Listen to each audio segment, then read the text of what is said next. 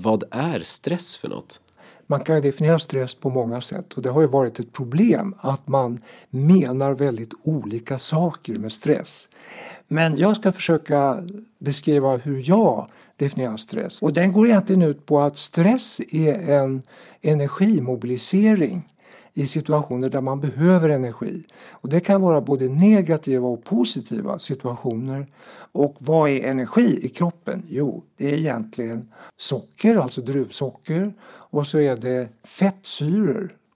Och eh, det där behövs för att man ska kunna få energi och klara av en utmaning.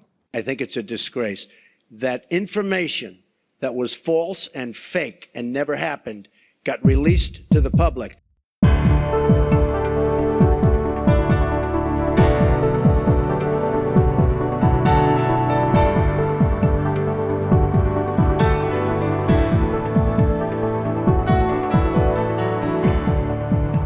Hej och varmt välkommen och kul att du lånar dina öron till den här podden som heter Sjuka fakta.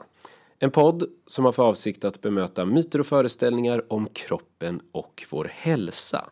Detta försöker vi åstadkomma genom att i varje avsnitt behandla ett ämne kring vilken det florerar många föreställningar och sen bjuder vi in några av Sveriges absolut främsta experter på dessa områden som får berätta hur det egentligen ligger till. Mitt namn är Simon Krösi, hälsopedagog och läkare och dagens ämne är stress. Dagens gäst och expert eh, föddes 1942, disputerade och blev doktor 1971 och han blev professor tio år senare. 2007 blev han professor emeritus vid Karolinska institutet och han har ägnat en stor del av sitt yrkesliv till att studera kopplingar mellan hjärt-kärlsjukdomar, arbetsliv och just stress. Han har varit ordförande i flertalet expertkommittéer kring arbetsmiljöns betydelse för sjukdomar och han var med och utvecklade den så kallade kravkontrollmodellen han har över 450 originalpublikationer i ryggen och det är ingen överdrift att hävda att dagens gäst är en storspelare av rang. Det verkar också ligga lite i släkten med en pappa som mottagit Nobelpriset. Varmt välkommen professor emeritus och en av vår tids största stressexperter, Töres Theorell. Oj, tack för denna magnifika presentation. Ja, den var inte alls excessiv tycker jag. Jag tycker den är värdig, eller du är värdig ett redigt omnämnande. Ja. Får jag börja med att vara fräck och fråga var namnet Töres kommer ifrån? Ja, det är ett eh, fornnordiskt namn och det betyder egentligen torspjut. Det är ett namn som förekommer i svenska landskapssagor till exempel från Småland och Östergötland. Och det finns långt bak i min egen släkt. Och spjut säger du, lite klyschigt att din karriär har ju ändå gått spjutlikt.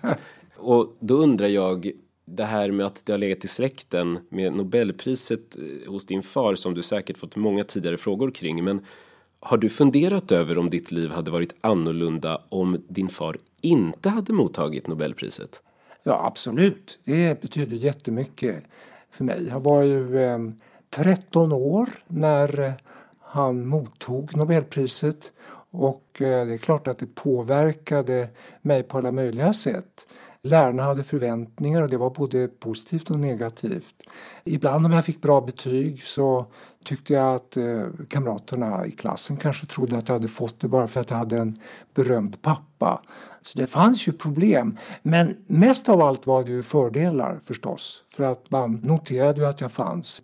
Jag drogs in i forskningen för att eh, professorn då han hade haft min pappa som handledare och då tänkte de sig att jag skulle bli biokemist som pappa var. Men jag fann ju snabbt att det gick inte att kombinera med klinik för jag var verkligen intresserad av patienter. Så att eh, då valde vi ett annat forskningsområde och då blev det psykosomatik och stress. Så att eh, jag kom in i det ganska med samma kan man säga. Mm. Och forskningen är ju ett av dina stora intressen får jag ändå gissa så, så mycket som du ägnar tid åt forskning. Men rubriken för dagens avsnitt är stress och mycket av det som du forskat kring relaterar till just stress och arbetslivet. Varför har du valt att fokusera på just den kopplingen? Det var så att jag eh, jobbade först inom internmedicin och blev docent och så i, i det. Men sen hoppade jag över till socialmedicin och började publicera mig mera kring epidemiologiska undersökningar kring stress. Och då dök det upp en amerikan som eh, har varit väldigt viktig för mig. Bob Karasek heter han. Och han eh, hade då introducerat det som var början på den här kravkontrollmodellen och på det sättet så kom jag in mycket i arbetslivet därför att han hade det som sitt huvudintresse. Och då eh, kom den här modellen som vi sen har använt mycket och som har publicerats jättemycket kring i hela världen sedan dess. Så det är liksom mitt livs största publikation kan man väl säga. Och den används också som en slags tankemodell väldigt mycket ute i arbetslivet. Men det går ju också att applicera på livet i största allmänhet.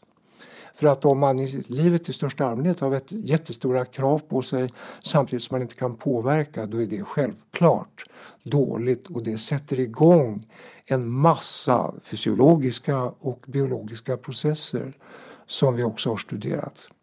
Ja, för det här verktyget är ju också som du är inne på, det är ju världsberömt nu. Och lite längre fram i avsnittet kommer vi faktiskt eh, komma in på att beskriva den här kravkontrollmodellen. Det lämnar vi lite just nu. Men du har varit inblandad i stressforskningens utveckling ja, men de senaste 40-50 åren nästan kan man ju säga. Mm. Och då undrar jag med de ögonen som du ändå har sådär temporalt. Har det skett några tydliga paradigmskiften under denna tid fram tills idag? Ja, det tycker jag absolut. Alltså när jag började, det var ju då kan man säga i slutet på 60-talet. Och då, då fanns det inte så mycket teoretiska modeller och man var absolut inte medveten om att arbetsorganisation kunde vara något viktigt till exempel. Men så hände någonting väldigt mycket i Sverige för att vi var ledande i Norden men i Norden i största allmänhet var man mycket medveten om plötsligt att det här med arbetsmiljö och arbetsorganisation skulle kunna vara viktigt. Och då blev det plötsligt en nyorientering inom stressforskningen och eh, man blev väldigt omgivningsorienterad istället. Men sen har ju pendeln svängt tillbaka så att under senare år så är det ju väldigt individorienterat och det är svårt att hävda arbetsorganisationens betydelse. Men det finns ändå kvar och eh, som exempel kan man ju nämna att Statistiska centralbyrån och eh, Arbetsmiljöverket, när de producerar sin statistik så har de mycket statistik som handlar om hur arbetsorganisationen i Sverige utvecklas och hur det påverkar och sådär. Så att eh, det finns kvar en massa av sånt som vi höll på med. Ja, vi tar en liten paus bara när telefonen ja. ringer. Förlåt, ja, det, vad var vi? Nej, det, det gör ingenting. Jag tänkte fråga dig, är människor generellt mer stressade idag tycker du? Det där är också intressant. Jag tänkte nästan komma in på det att eh, det var en period i början av min stresskarriär då alla människor sprang omkring och sa att ja, vi är så stressade och det är så väldigt eh, hårt samhälle. Men samtidigt var det så att vi hade ju väldigt suverän befolkningsstatistik i Sverige. Vi hade undersökt de levnadsförhållanden till exempel som gjordes hela tiden upprepat så man kunde se utvecklingen. Och jag skulle vilja säga att eh, det fanns inte så mycket fog för det påståendet fram till 90-talet. För det var då som vi fick den här fruktansvärda valutakrisen med 500 procents ränta och då blev plötsligt eh, arbetslösheten dramatiskt mycket högre. Och eh, det här gick parallellt med att man omvärderade en massa olika saker som gällde arbetsorganisation. Och eh, samtidigt mot slutet av 90-talet, från 97 och framåt, så börjar folk säga att de inte kan påverka arbetet lika bra som tidigare. Och det gällde framförallt i offentlig sektor, det vill säga kommun och landstingsanställda inom skola och vård och så. Och det var också där som vi fick väldiga problem med långa sjukskrivningar och eh, ja, så kom utmattningssyndrom och det, det blev ett helt knippe med sådana här saker som sätter igång. Så jag tror att där skedde någonting dramatiskt. Sen så har det gått upp och ner med de här sakerna. Men vi har aldrig kommit tillbaka till de bra nivåer som vi hade på 80-talet. Har dina kunskaper om stress påverkat hur du själv hanterar stressiga situationer tycker du? Absolut. Jag, jag känner ju själv när jag, alltså jag är en väldigt känslig person så att jag får väldigt svårt att sova när det är konflikter och sådär. Och då förstår jag att det är speciellt viktigt att jag bevakar sömnen som är väldigt viktig när man ska eh, klara sig mot skadliga effekter av stress. Så att jag ser till att jag bevarar möjlighet att hålla på med det. Eh, samtidigt så är det omöjligt att skydda sig mot eh, att bli stressad. Jag blir ju också stressad och får svårt att sova och får dåligt humör och skriker åt folk. Och, ja. Det är intressant att du säger. Vi ska ju eh, stresstesta dig lite idag i tanken. Ja, eh, ja. För vi ska ta oss igenom, i likhet med många av de andra avsnitten, så har vi några stora föreställningar kring ämnet och idag är det då stress. Och vi ska ta oss igenom en kanske inte helt vanlig dag på jobbet och med hjälp av den berättelsen luska fram om de här föreställningarna innehåller ett litet korn av sanning, är kornlösa eller rent utav skapta av korn. Och föreställningarna vi ska försöka bemöta idag är följande. Man blir inte stressad av roliga saker. Stress går inte att kontrollera. Stress gör att du får grått hår. Stress orsakar magsår. Om man inte känner sig stressad så är man inte stressad. Och slutligen, stress är alltid dåligt. Eh, några av de här har du ju redan nästan snuddat vid lite, men vi kommer att försöka penetrera det här lite mer ingående under avsnittets gång. Är det någon föreställning du vill lägga till som du tycker är vanligt förekommande? Ja, jag tror jag har fått med det mesta. Ja, men då, då eh, siktar vi på det här. Då. Jo, vänta. Det finns en föreställning som jag tycker man ska ta upp och det är att stress förstör hjärnan. Oj, den hittade jag inte ens i ja, men det, Men det, det, var det tar vi absolut som, med. Det är en väldigt problematisk eh, idé. Ja, då, då ska vi försöka skohorna in den någonstans här. Det blir bra. Men du tar dem en, en efter en då så ska Vi jag försöka det. svara kort om jag kan. 06.00, klockan ringer. Det är en vanlig händelselös dag på jobbet. Suck. Du snosar, somnar om och plötsligt är klockan 6.45. Panik. Du kommer på att du ska infinna dig på jobbet klockan 07.30 för att förbereda en presentation för ledningen på kontoret som börjar klockan 8. Du flyger upp ur sängen och tröttheten är plötsligt som bortblåst. Vad är det som händer i kroppen? Ja, det första som händer omedelbart är att man dämpar kroppens bromssystem, det parasympatiska nervsystemet. Man bromsar det så att pulsen blixtsnabbt ökar och eh, man får en blodomfördelning så att man får mera blod till muskulatur som behövs för att man ska kunna springa eller slåss och upp till hjärnan för att man ska kunna tänka klart. Det nästa som händer är att man aktiverar binjuremärgen som har mycket med adrenalin att göra som verkar väldigt snabbt och sen har vi ett helt system som kallas för det sympatiska nervsystemet. Och när de där sitter igång då får vi också en aktivering av kroppen. Om jag till exempel ska hålla en föreläsning för en stor grupp människor och råkar vara förkyld den dagen då får jag ett eh, kraftigt påslag av ett hormon, kortisol, som gör att det inflammatoriska dämpas och då får jag inte svullna stämband utan jag kan hålla min föreläsning. Men sen när kortisolnivåerna går ner efter föreläsningen då kan jag bli tvärhes. Och det här som jag pratar om nu det är den akuta stressen. I det fallet är det ju naturligtvis en adrenalinkick som eh, kommer och som aktiverar hela kroppen inklusive hjärnan. Du rusar relativt smidigt genom morgontrafiken och märker knappt av att du är andfådd, men vet att du inte kommer hinna i tid. Du ringer kollegan på vägen, forcerar fram en dålig ursäkt för din sena ankomst och ber honom börja förbereda i konferensrummet. Svetten dryper nerför pannan och glasögonen immar igen när du smäller upp dörrarna till kontoret. Och du... är lite kul där. Och du vet att din en gång ljusblåa skjorta nu ser ut som en mörkblå måltavla på ryggen. Du hann precis i tid. Hur skadligt är det egentligen att regelbundet komma stressad till jobbet? Ja, att komma regelbundet eh, så att säga varje dag till jobbet på det, det är naturligtvis jättedåligt. Eh, och eh, förmodligen är det så då att man inte heller får den vila som man behöver för att eh, kompensera för det här. Det finns en grupp hormoner som bygger upp, ersätter och eh, bygger nytt så att säga. Och det där är speciellt pågående när man sover djupt. Det är därför sömnen är så viktig.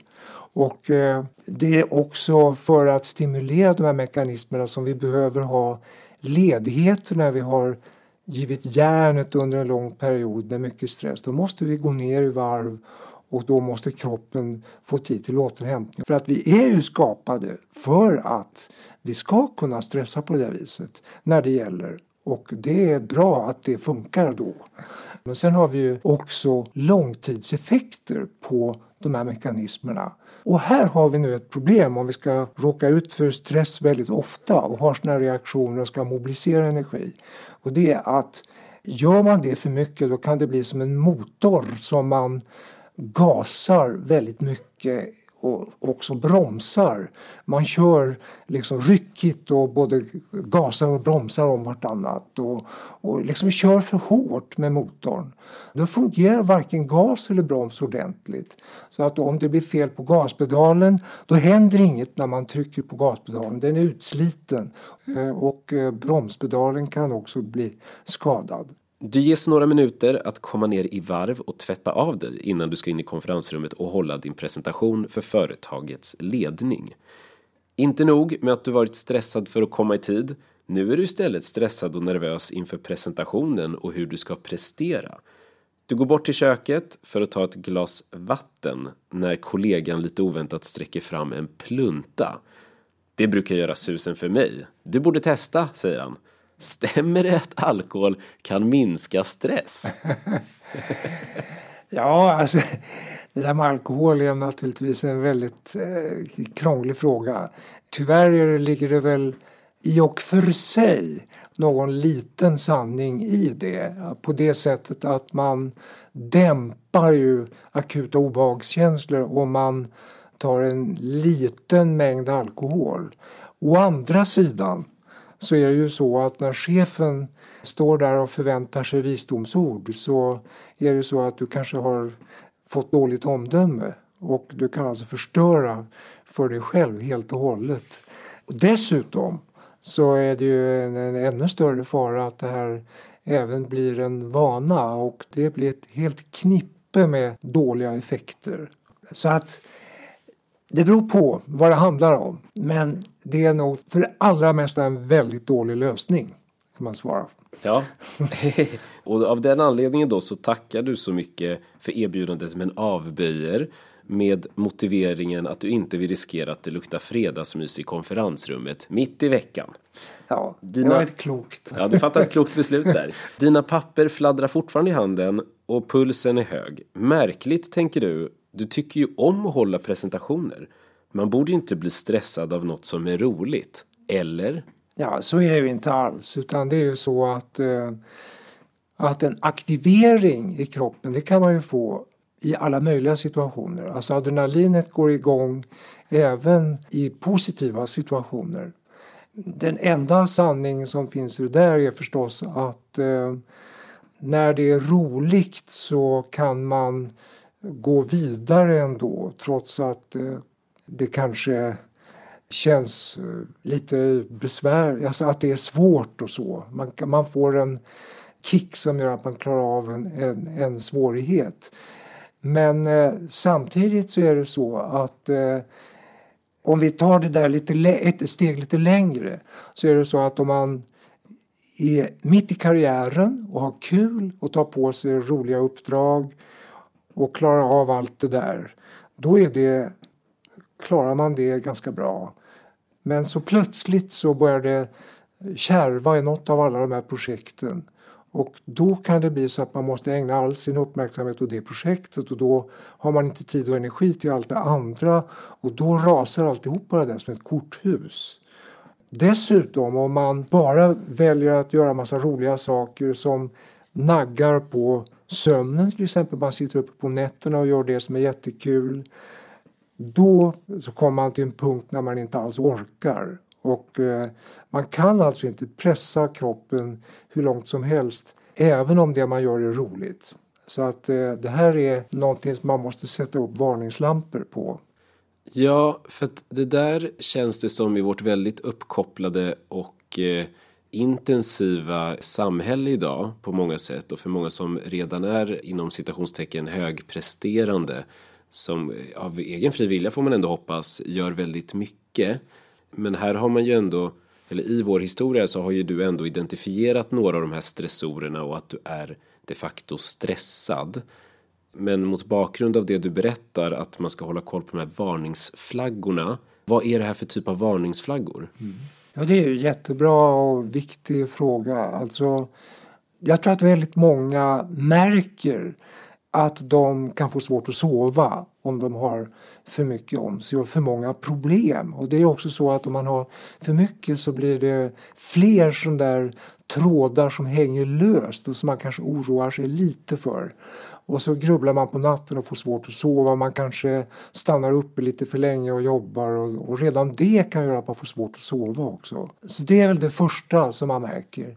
Eh, sen tror jag att det är väldigt individuellt. Det finns många som märker att de får tendens till dubbelslag i hjärtat och kanske lite att hjärtat börjar slå lite fortare än vanligt.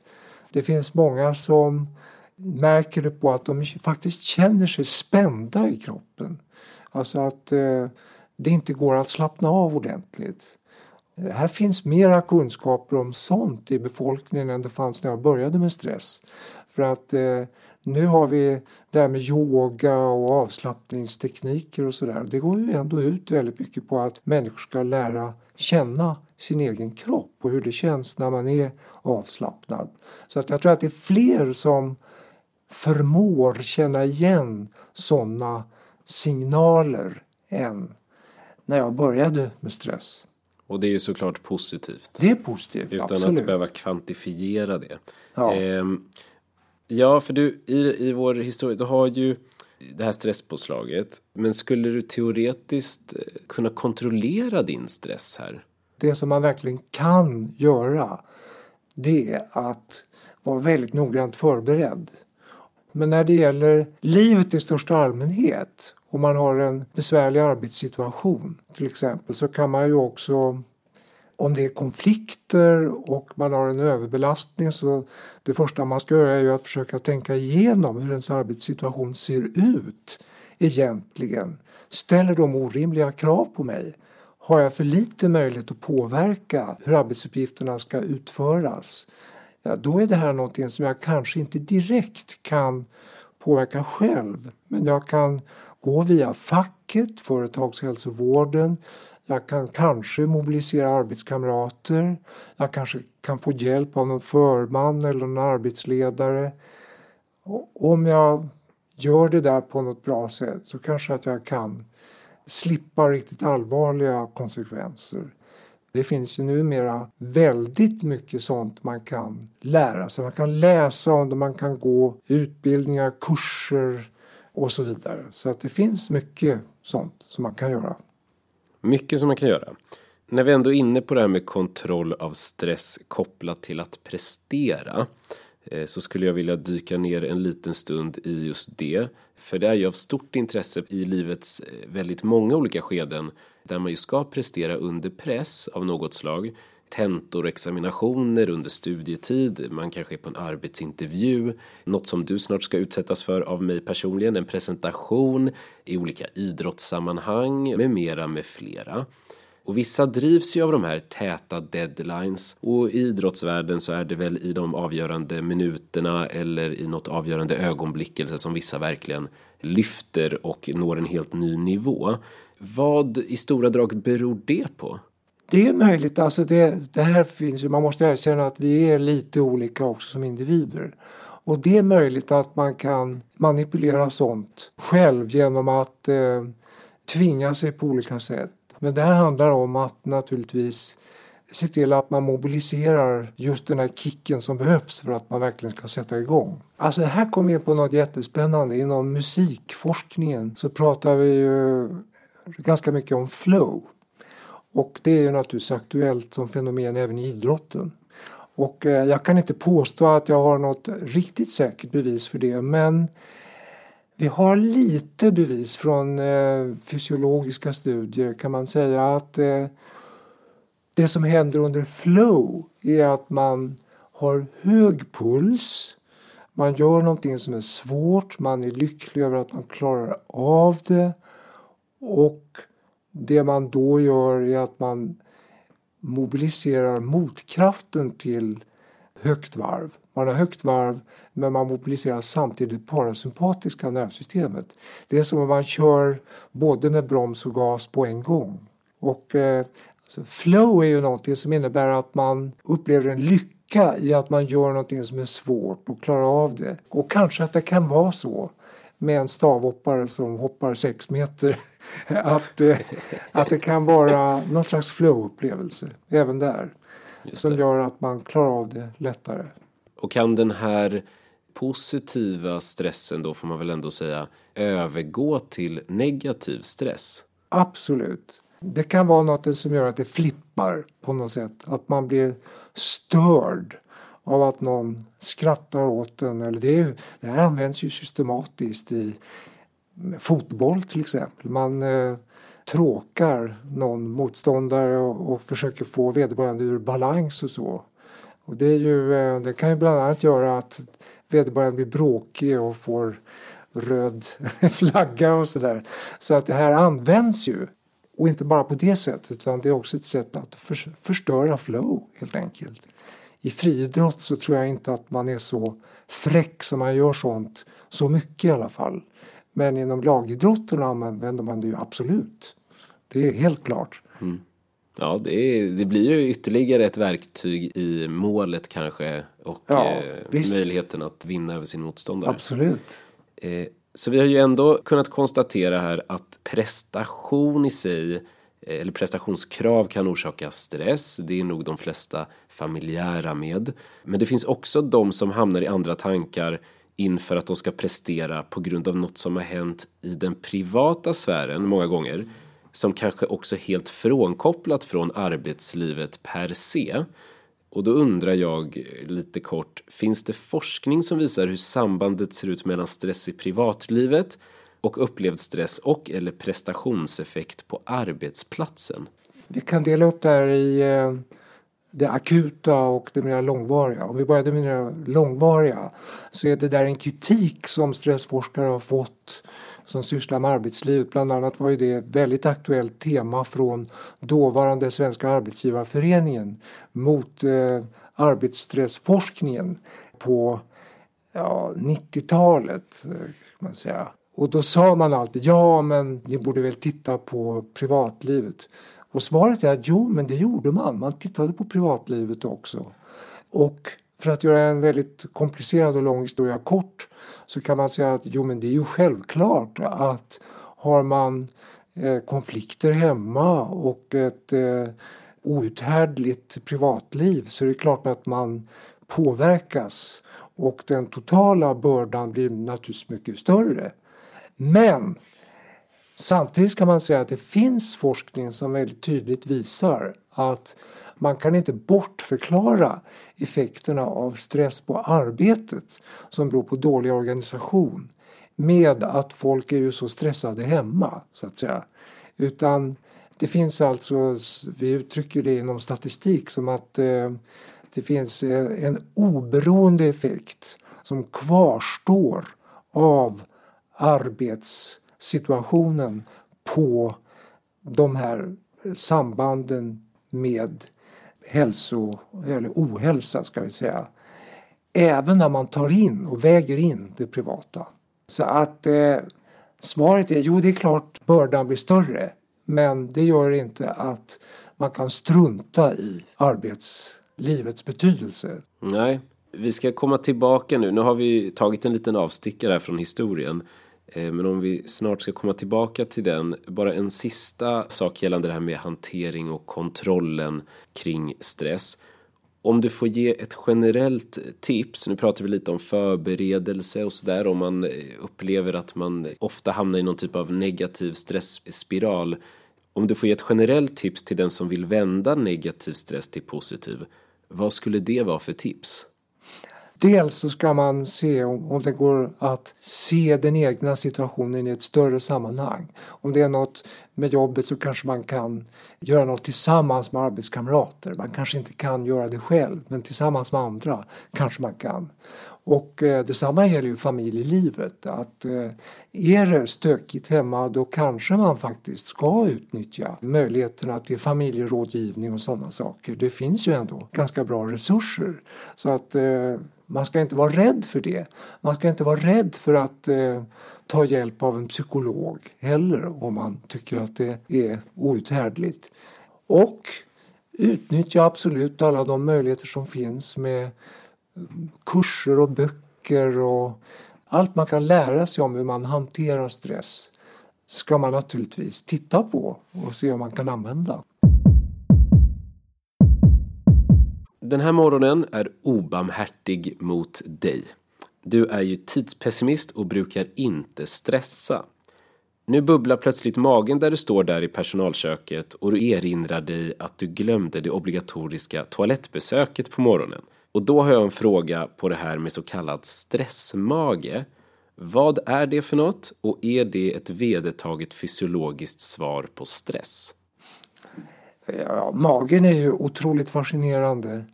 Det är helt enkelt så att tarmen är väldigt känslig. Hela mag-tarmsystemet är känsligt för allt möjligt i vår omgivning. Eh, jag brukar ibland när jag föreläser ta exemplet med att man la ner en slang i magsäcken och så mätte man tryckvariationerna kontinuerligt. Så fick folk lyssna på lugn, trevlig musik Eh, en gång och så fick de höra på oväsen en annan gång. Och då kunde man se hur eh, tryckmönstret påverkades. Så att när den lugna, långsamma musiken spelades då började magsäcken jobba långsamt, metodiskt medan det motsatta hände när man hade de här otäcka, störande oljuden.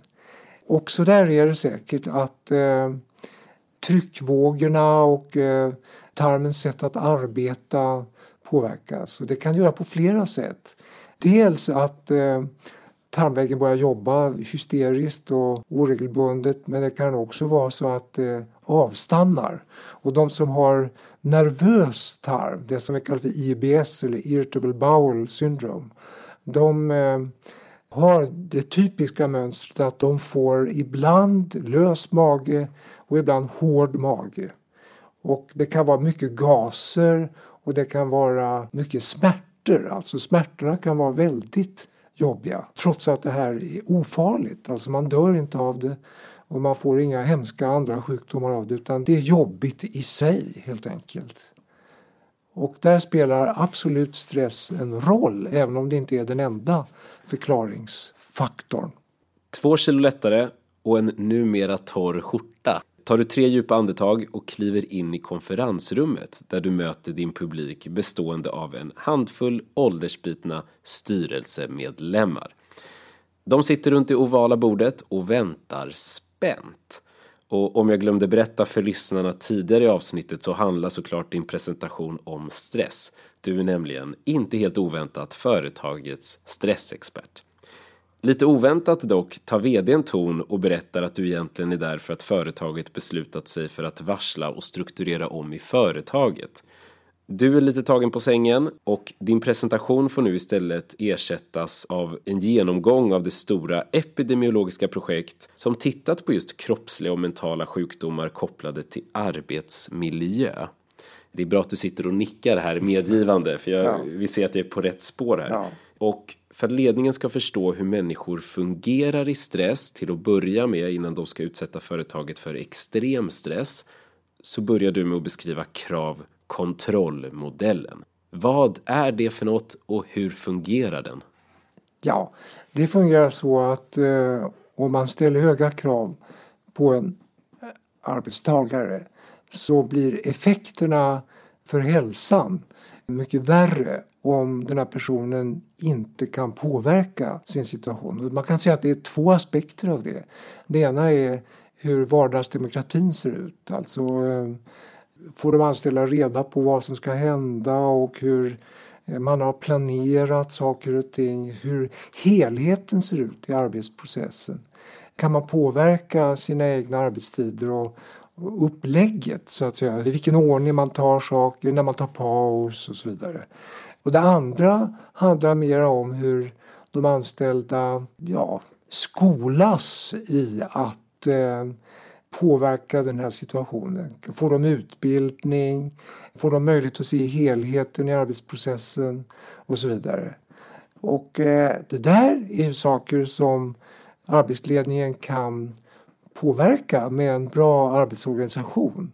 Och då kan också de anställda klara toppar av hög belastning på jobbet.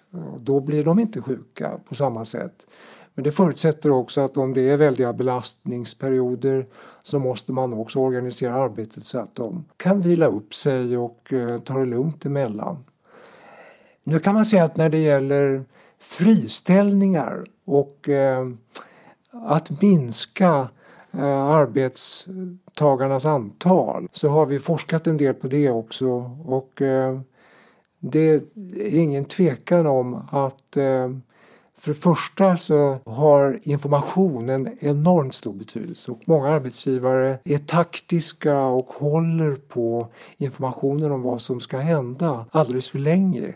Och eh, de gör det för att de inte vill att de anställda ska sluta. Och de, alltså det är smågnidig taktik så att säga för att eh, bevara status quo så länge som möjligt. Och det är naturligtvis otroligt ovänligt mot de anställda.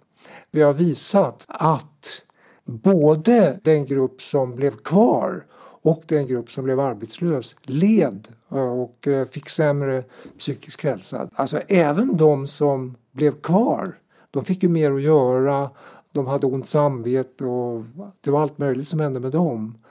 Det ska man alltså tänka på att eh, förbereder man den här processen på ett bra sätt då är risken för dåliga konsekvenser för de anställdas hälsa mycket mindre.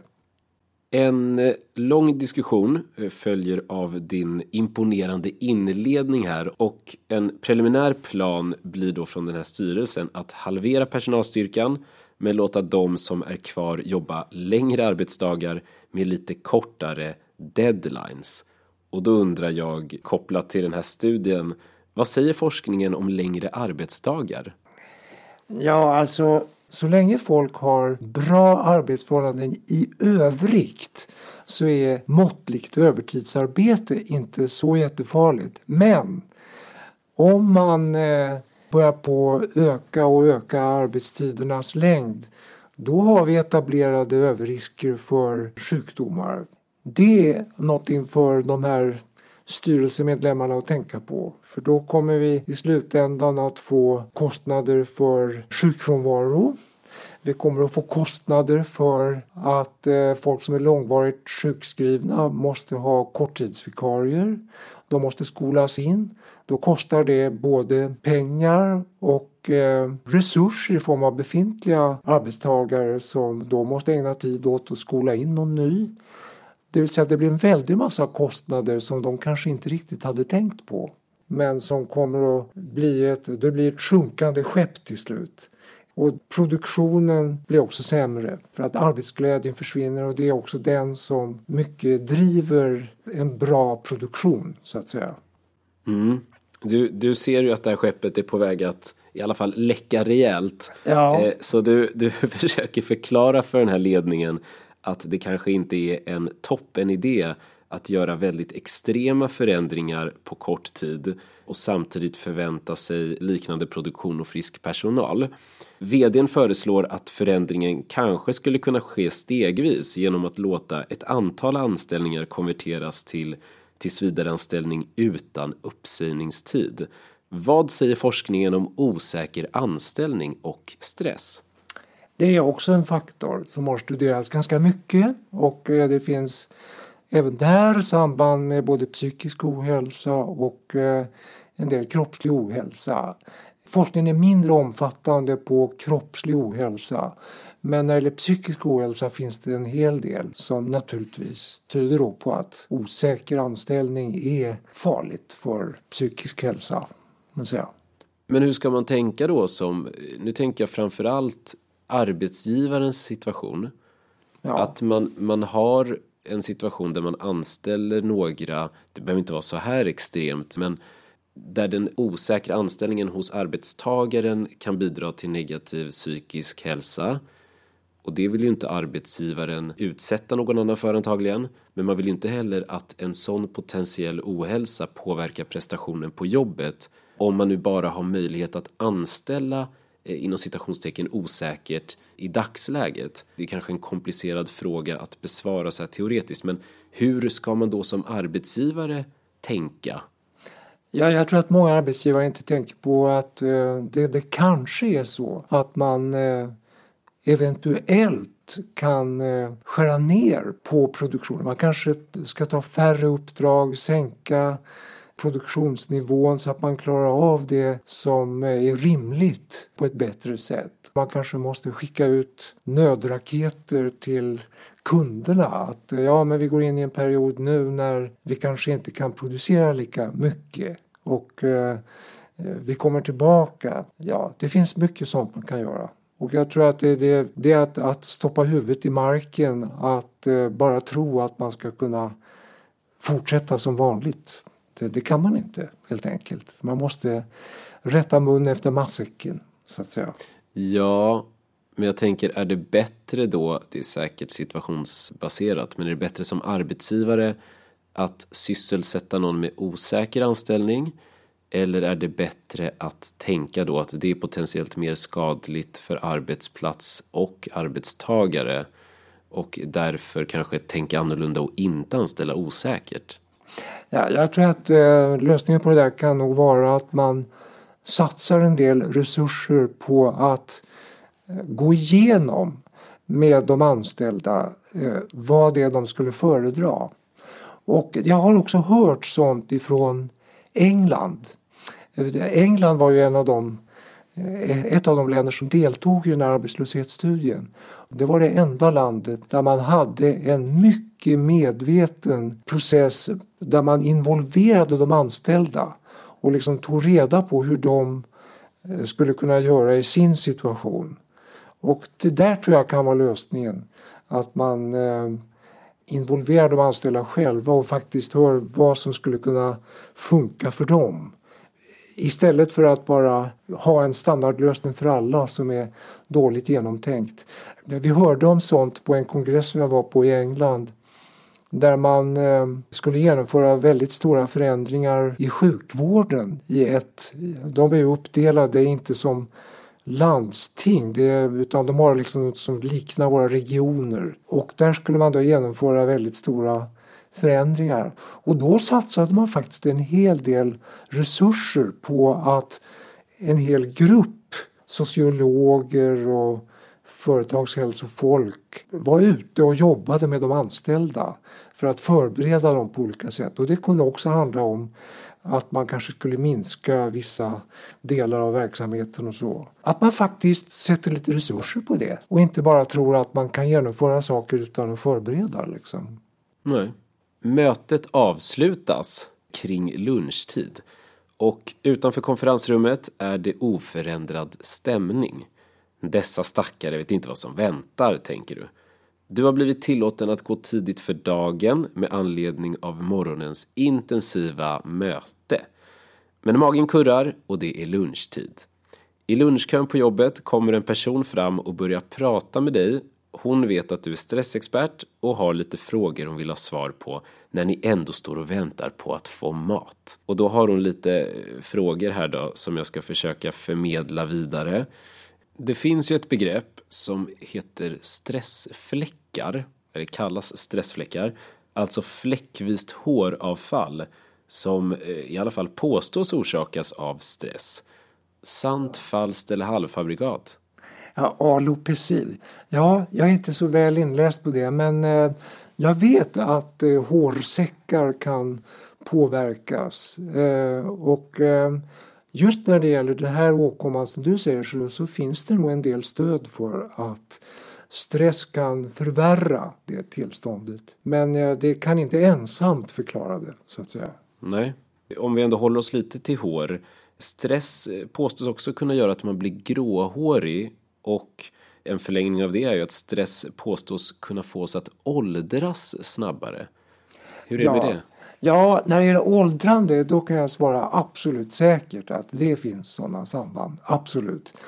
Och det finns numera ganska sofistikerade studier som visar. Och sen för att gå in på gråhårighet, ja det, det finns inte jättemycket forskning kring sånt men det finns nog ändå lite tendens till samband där. Att man kan se att gråhårighet skulle kunna påskyndas av väldigt kraftiga stressfaktorer. Men jag är inte så väldigt väl inläst på det så jag ska inte... Nej, så vi, vi lämnar ett frågetecken. Ja, just det. får vi ta ett annat avsnitt. En annan fråga som hon har här, hon är inte blyg den här kollegan som står i kön bland alla. Och du nämnde det lite kort i början, men kan stress orsaka cancer? Ja, det där är väldigt omdiskuterat och just nu så ser det väl ut som om till exempel, ja det är svagt underlag för bröstcancer. Eh, där tror jag inte att sambanden är så starka. Det, det beror på vilken cancerform man pratar om helt enkelt. Och eh, ja, jag tror inte jag ska nämna någon specifik cancerform mer än att säga att jo, en del samband kan finnas. Och det kan också finnas effekter av långvarig stress på hur metastaserna sprids och hur de växer till och så. Alltså jag menar i andra ledet. Hur klarar sig cancer när den väl har etablerat sig? Och där kan långvarig stress ha betydelse också. Kan stress orsaka magsår? Ja, alltså det är ju intressant för att det som vi kallar magsår det är ju egentligen tolvfingertarmsår. Och eh, det ansågs ju vara en, en typisk eh, psykosomatisk sjukdom. Och eh, idag vet vi att eh, den, den stora, riktigt viktiga faktorn det är en bacill som heter Helicobacter pylorus. Och eh, den kan man behandla med antibiotika. Och då minskar risken för tolvfingertarmsår jättemycket. Men det har en viss betydelse också det här med eh, stress. Du nämnde min far och hans nobelpris och det var så vi som familj visste ju inte mycket om vad som hände bakom kulisserna men han var ju verksam i Stockholm och det var ju hans professorskollegor som skulle bestämma om han skulle ha Nobelpris. Så han visste vad som var så. Det här pågick i ett par decennier. Diskussionerna om han skulle få Nobelpris. Och till slut var det tryck utifrån, från utlandet som gjorde att han fick Nobelpris.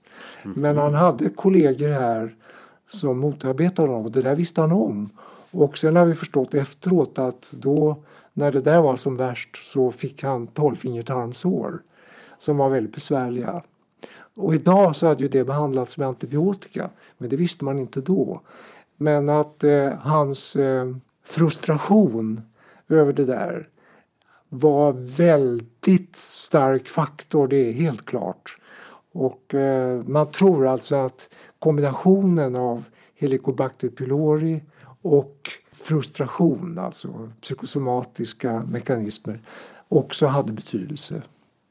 Jag tänker, här passar det ju perfekt att slänga in den här frågan du eh, tyckte att vi skulle ta oss an. Stress skadar hjärnan. Ja, det där kom ju för några år sedan. Eh, en revolutionerande forskning som eh, visade att vissa celler kunde faktiskt eh, förstöras av väldigt långvarig stress. Och så visade man senare, det här visade man även på människor till exempel på flyktingar från Irak som hade väldigt svåra traumatiska upplevelser.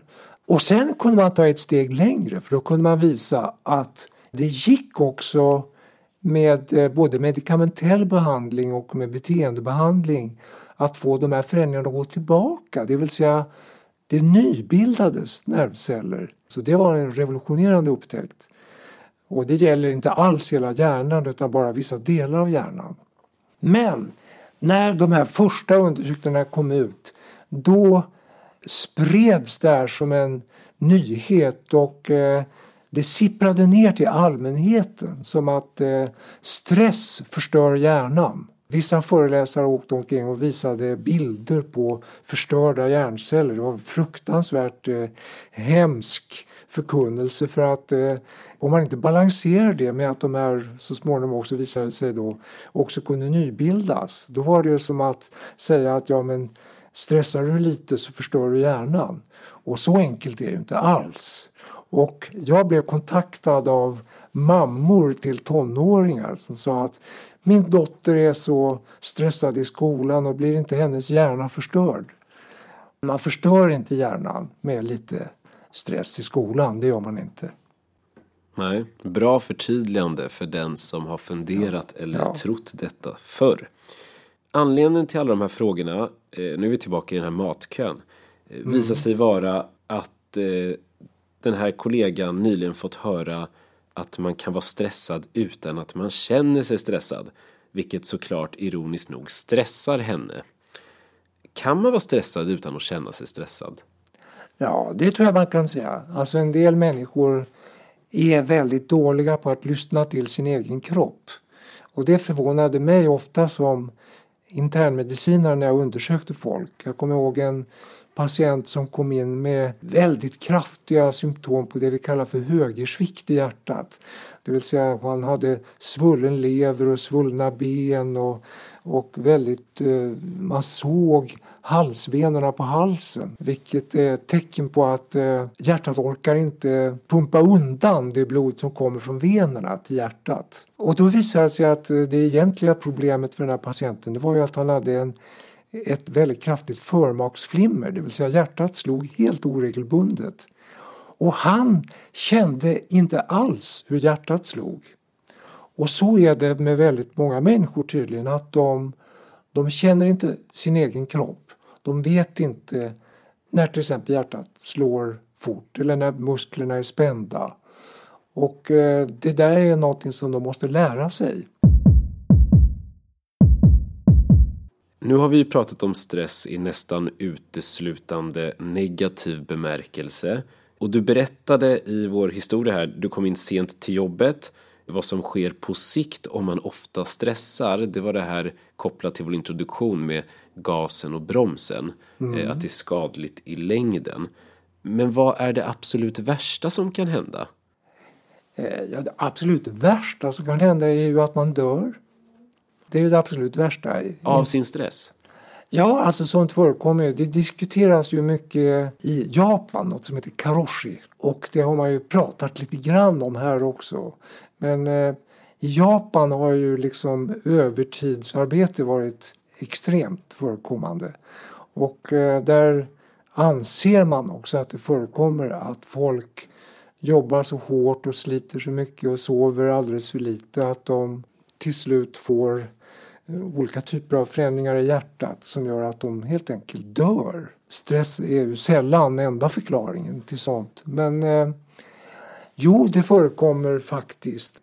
Det finns en gammal klassiker som är en man som eh, råkade ha kontinuerlig EKG-registrering när han blev väldigt stressad eh, och kom till Grand Central Station i New York och eh, han var redan väldigt stressad. Men så skulle han dessutom komma i tid till ett tåg som just skulle gå. Och då kan man se hur EKG visar att hjärtat börjar slå fortare och fortare och så får han ett kammarflimmer och så dör han i den där stresssituationen. Så, så sånt förekommer ju. Men gudskelov så är det ovanligt. Och eh, det är inte så att människor ska behöva vara rädda för att de dör så fort de blir lite stressade. Och den som eh, skulle föreläsa för sina chefer löpte nog inte någon större risk faktiskt. Just det. Du har ju förutom excessiv forskning om arbetsrelaterad stress, ägnat många år åt att forska på olika aktiviteter som motgift till skadlig stress. Och om man nu lyssnar på vårt samtal här och känner att man oftare än önskat hamnar i stressiga situationer i vardagen och vill göra något åt saken, men man kanske inte vet hur. Var ska man börja? Ja, det första är ju att eh, man sätter sig ner och försöker förstå sin totalsituation. Vad är det här egentligen? Hur har jag hamnat i det här? Och då kan man titta på olika, man kan undra är det, är det familjen, är det jobbet? Eh, det är väl det första man ska göra. Sen ska man eh, utnyttja de möjligheter som finns att eh, lära sig mer om hur stress fungerar. Det finns jättebra böcker, det finns massor med böcker som är välskrivna. Man kan lyssna på band om stress, man kan gå på kurser i saker som handlar om hur man hanterar stress. Det finns allt möjligt sånt här som gör att man själv kan förstå sin situation. Men man ska inte fastna i att allt eh, beror på mig själv. Utan eh, man måste se på sin totalsituation. En del är vad man kan göra själv men en del är vad man kan göra tillsammans med andra för att förbättra sin situation.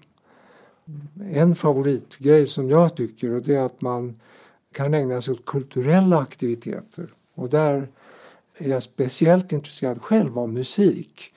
Och eh, vi har visat i vår forskning att musik är en verksamhet som kan göra att man får andra perspektiv på sin situation därför att man upplever fantastiska saker, får emotionella upplevelser som kan hjälpa en att orientera sig på ett annat sätt i livet och kanske då klara av sin stress på ett bättre sätt.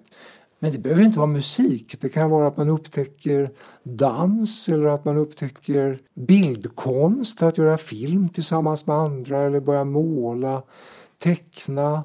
Det finns väldigt mycket man kan göra för att få andra perspektiv och klara av sin stress på ett bättre sätt. Det är väldigt bra, men nu fanns det ju en uppsjö här av alternativ på saker man skulle kunna ta sig an eller testa på för att kunna kontrollera i någon mån i alla fall sin situation. Men hur vet man vilken eller vilka av motsvarande aktiviteter som passar bäst för en själv? Ja, det ska man ju känna efter själv. Och eh, en sak som jag inte sa är ju fysisk aktivitet som är väldigt viktigt också för det hjälper oss också att eh, stimulera de här återuppbyggande verksamheterna i kroppen. Men det ska ju då vara fysisk aktivitet som passar just mig och eh, det ska vara lustfyllt. Det ska inte vara självspäkande verksamheter. Och det gäller ju hela spektrum här. Det gäller att hitta något som passar just mig. Men samtidigt så eh, ska man också vara beredd att eh, kanske pröva något nytt. Eh, man kanske har på känn att eh, det här är något som jag aldrig har gjort tidigare men kanske det skulle kunna vara något för mig. Och då ska man vara beredd att pröva det. Det vill säga att man inte bara tar det som man alltid har gjort utan kanske prövar något nytt som man tror kan passa. Mm. Jag Töres, börjar få slut på frågor och föreställningar att lyfta med dig avseende just stress. Så jag tänker att vi ska försöka komma tillbaka till där vi började och se om vi har lärt oss någonting idag utifrån våra stora föreställningar för dagens avsnitt. Man blir inte stressad av roliga saker. Sant, falskt eller halvfabrikat? det är ett halvfabrikat, absolut. Ja. Stress gör att du får grått hår. Ja, det finns eh, inte så där väldigt starka bevis för det men det är nog inte helt gripet ur luften ändå.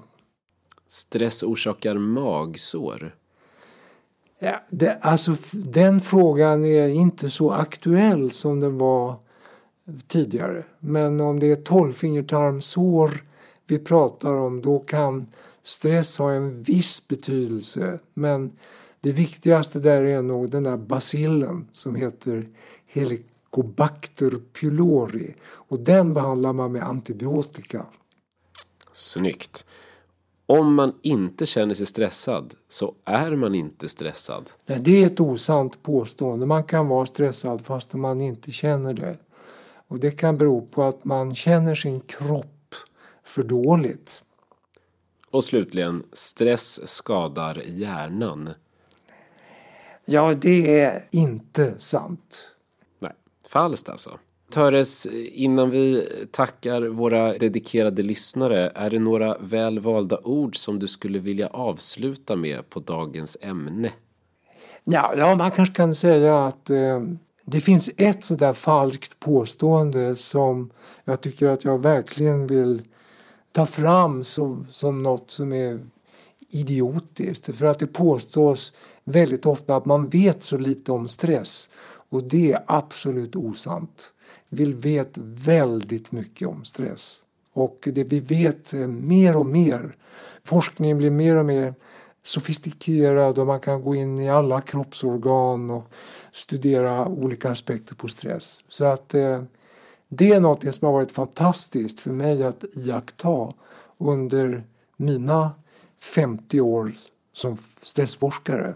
Ja, och dina 50 år har ju också gjort att vi har kunnat få en imponerande genomgång tycker jag av eh, vad man vet idag om stress kopplat till såväl det individuella måendet och arbetsliv och eh, olika aspekter av eh, livsskeenden som säkert kommer gå att applicera på många sätt och många plan bland våra lyssnare.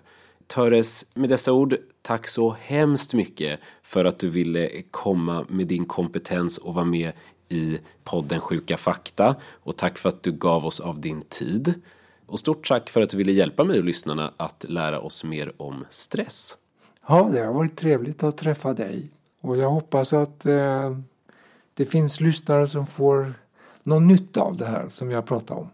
Det tror jag säkerligen. Tack så mycket. Ja, tack. Det där var en av vår tids största stressexperter, Töres Theorell. Och tack till Joakim Öman som hjälpt till att sammanställa detta avsnitt. Finns det något ämne du skulle vilja att vi tar upp i serien eller har du förslag på en person du tycker att vi ska intervjua? Då får du gärna slänga iväg en förfrågan till vår mejladress kontakt sjukafakta.se eller till vårt Instagramkonto sjukafakta podcast. Tänker du att du bara inte kan få nog och måste föra fler gäster under fler säsonger? Ja, men då är det även helt okej okay att skänka en slant via patreon.com sjuka fakta. Nästa vecka kommer vi prata om missbruk och olika beroenden med psykiatern, beroendespecialisten och sommarprataren Dr. David Eberhard. Det blir ett jäkla tempo och tycker man att det är jobbigt, otäckt eller kanske korkat med missbruk så kan det här vara ett väldigt bra sätt att nå förståelse bortom det man annars brukar få höra. Missa inte det. Men i vanlig ordning innan vi hörs igen. Må gott, stressa lugnt och tro inte på allt du hör.